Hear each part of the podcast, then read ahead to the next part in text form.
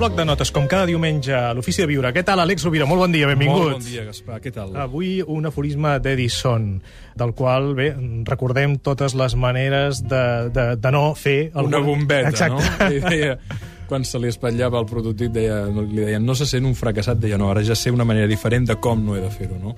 Un home molt resilient, un home amb una gran capacitat d'innovació, de fet està considerat ell i el seu equip el principal innovador que ha donat la història, s'imposava fer una gran, una, una gran patent un cop al mes i quatre patents menors. Per tant, era un home que ell mateix es provocava eh, la capacitat d'innovació. No?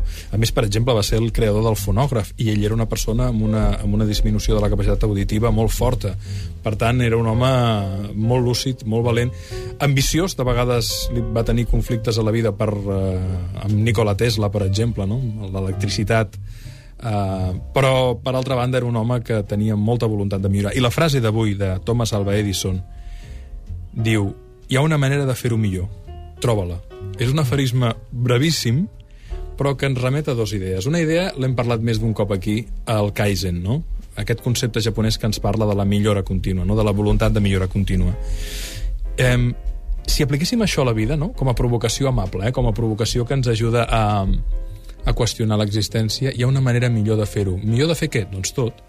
Millor de comunicar-te, millor de fer la teva feina, millor d'intentar entendre l'altre, millor d'aproximar-te al món, millor de fer esport, millor de cuidar-te, doncs ens, ens portaria a qüestionar-nos um, com podem fer millor les coses en general, no? I després diu, troba-la, perquè, i ho vam parlar fa poc, no? Quevedo deia, el savi no és el que sap on és el tresor, sinó el que es posa a buscar-lo i amb les, amb les seves mans belluga la terra.